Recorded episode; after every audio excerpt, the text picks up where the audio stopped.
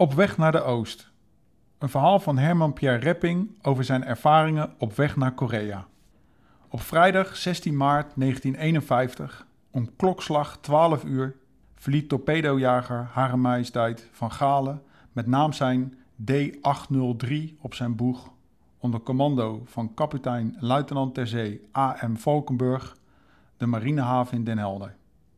De Van Galen kon bijna een zusterschip schijn van de Evertse, Piet Hein en Kortenaar, voormalige S-klasse jagers van de Britse marine. De Van Galen behoorden tot de N-klasse en de uiterlijke verschillen beperkten zich in hoofdzaak tot het geschut. De Van Galen bezat drie dubbelloops kanonnen van 11,9 centimeter met lichte bepansering rondom, maar open aan de achterzijde. Deze schepen hadden in de Tweede Wereldoorlog deelgenomen aan vele acties en waren ingedeeld bij de Amerikaanse zevende vloot. De route naar Zuid-Korea was als volgt: Middellandse Zee, Gibraltar en door het Suezkanaal richting Colombo, Sri Lanka.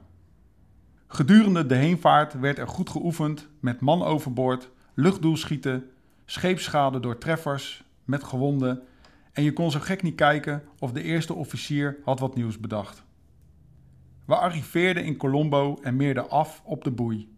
Er werd olie geladen, vers water en victuali. En het personeel dat niet nodig was, mocht even de benen strekken aan de wal, maar wel in lang wit uniform. Twee scheepsmaten gingen ook van boord met de sloep en meerden af bij een pier waar de douane voor oponthoud zorgde. Een van de douanebeambten merkte op dat Kees, een van de scheepsmaten, een grote bult had in zijn zij. Het is een fles water, kijk maar, zei Kees tegen de douanebeambte. Hij had de onderofficier een fles jenever geritseld, maar toen hij de fles ter inspectie wilde overhandigen, liet hij hem per ongeluk vallen. Dat werd dus een boete en hij had al zo weinig vreemd geld opgenomen bij de officier van de administratie. Kees en zijn maat zochten een kroegje op en werden verwelkomd door twee Nederlandse bemanningsleden van een koopvaardijschip dat net kolen had gelost. Na een poosje ging de bar dicht en gingen de marinemensen mee aan boord van het koopvaardijschip. Daar was nog drank. Aan boord werd natuurlijk ook het nodige genuttigd, totdat het op was. Een van de koopvaardijmannen zei tegen Kees dat in het kolenruim nog drank was, waarna Kees op zoek ging. De Van Galen zou ochtends vroeg weer naar zee gaan en de koopvaarder vroeg met zijn seinlamp aan de torpedojager of ze de twee matrozen wilden komen ophalen.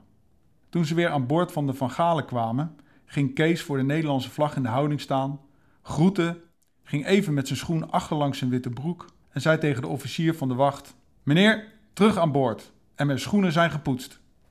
Het werd tien dagen arrest met werkzaamheden. Ik, de schrijver, zie ze nog voor me, zwart als roet. Ze waren met hun witte kleding door het lege kolenruim gestrompeld.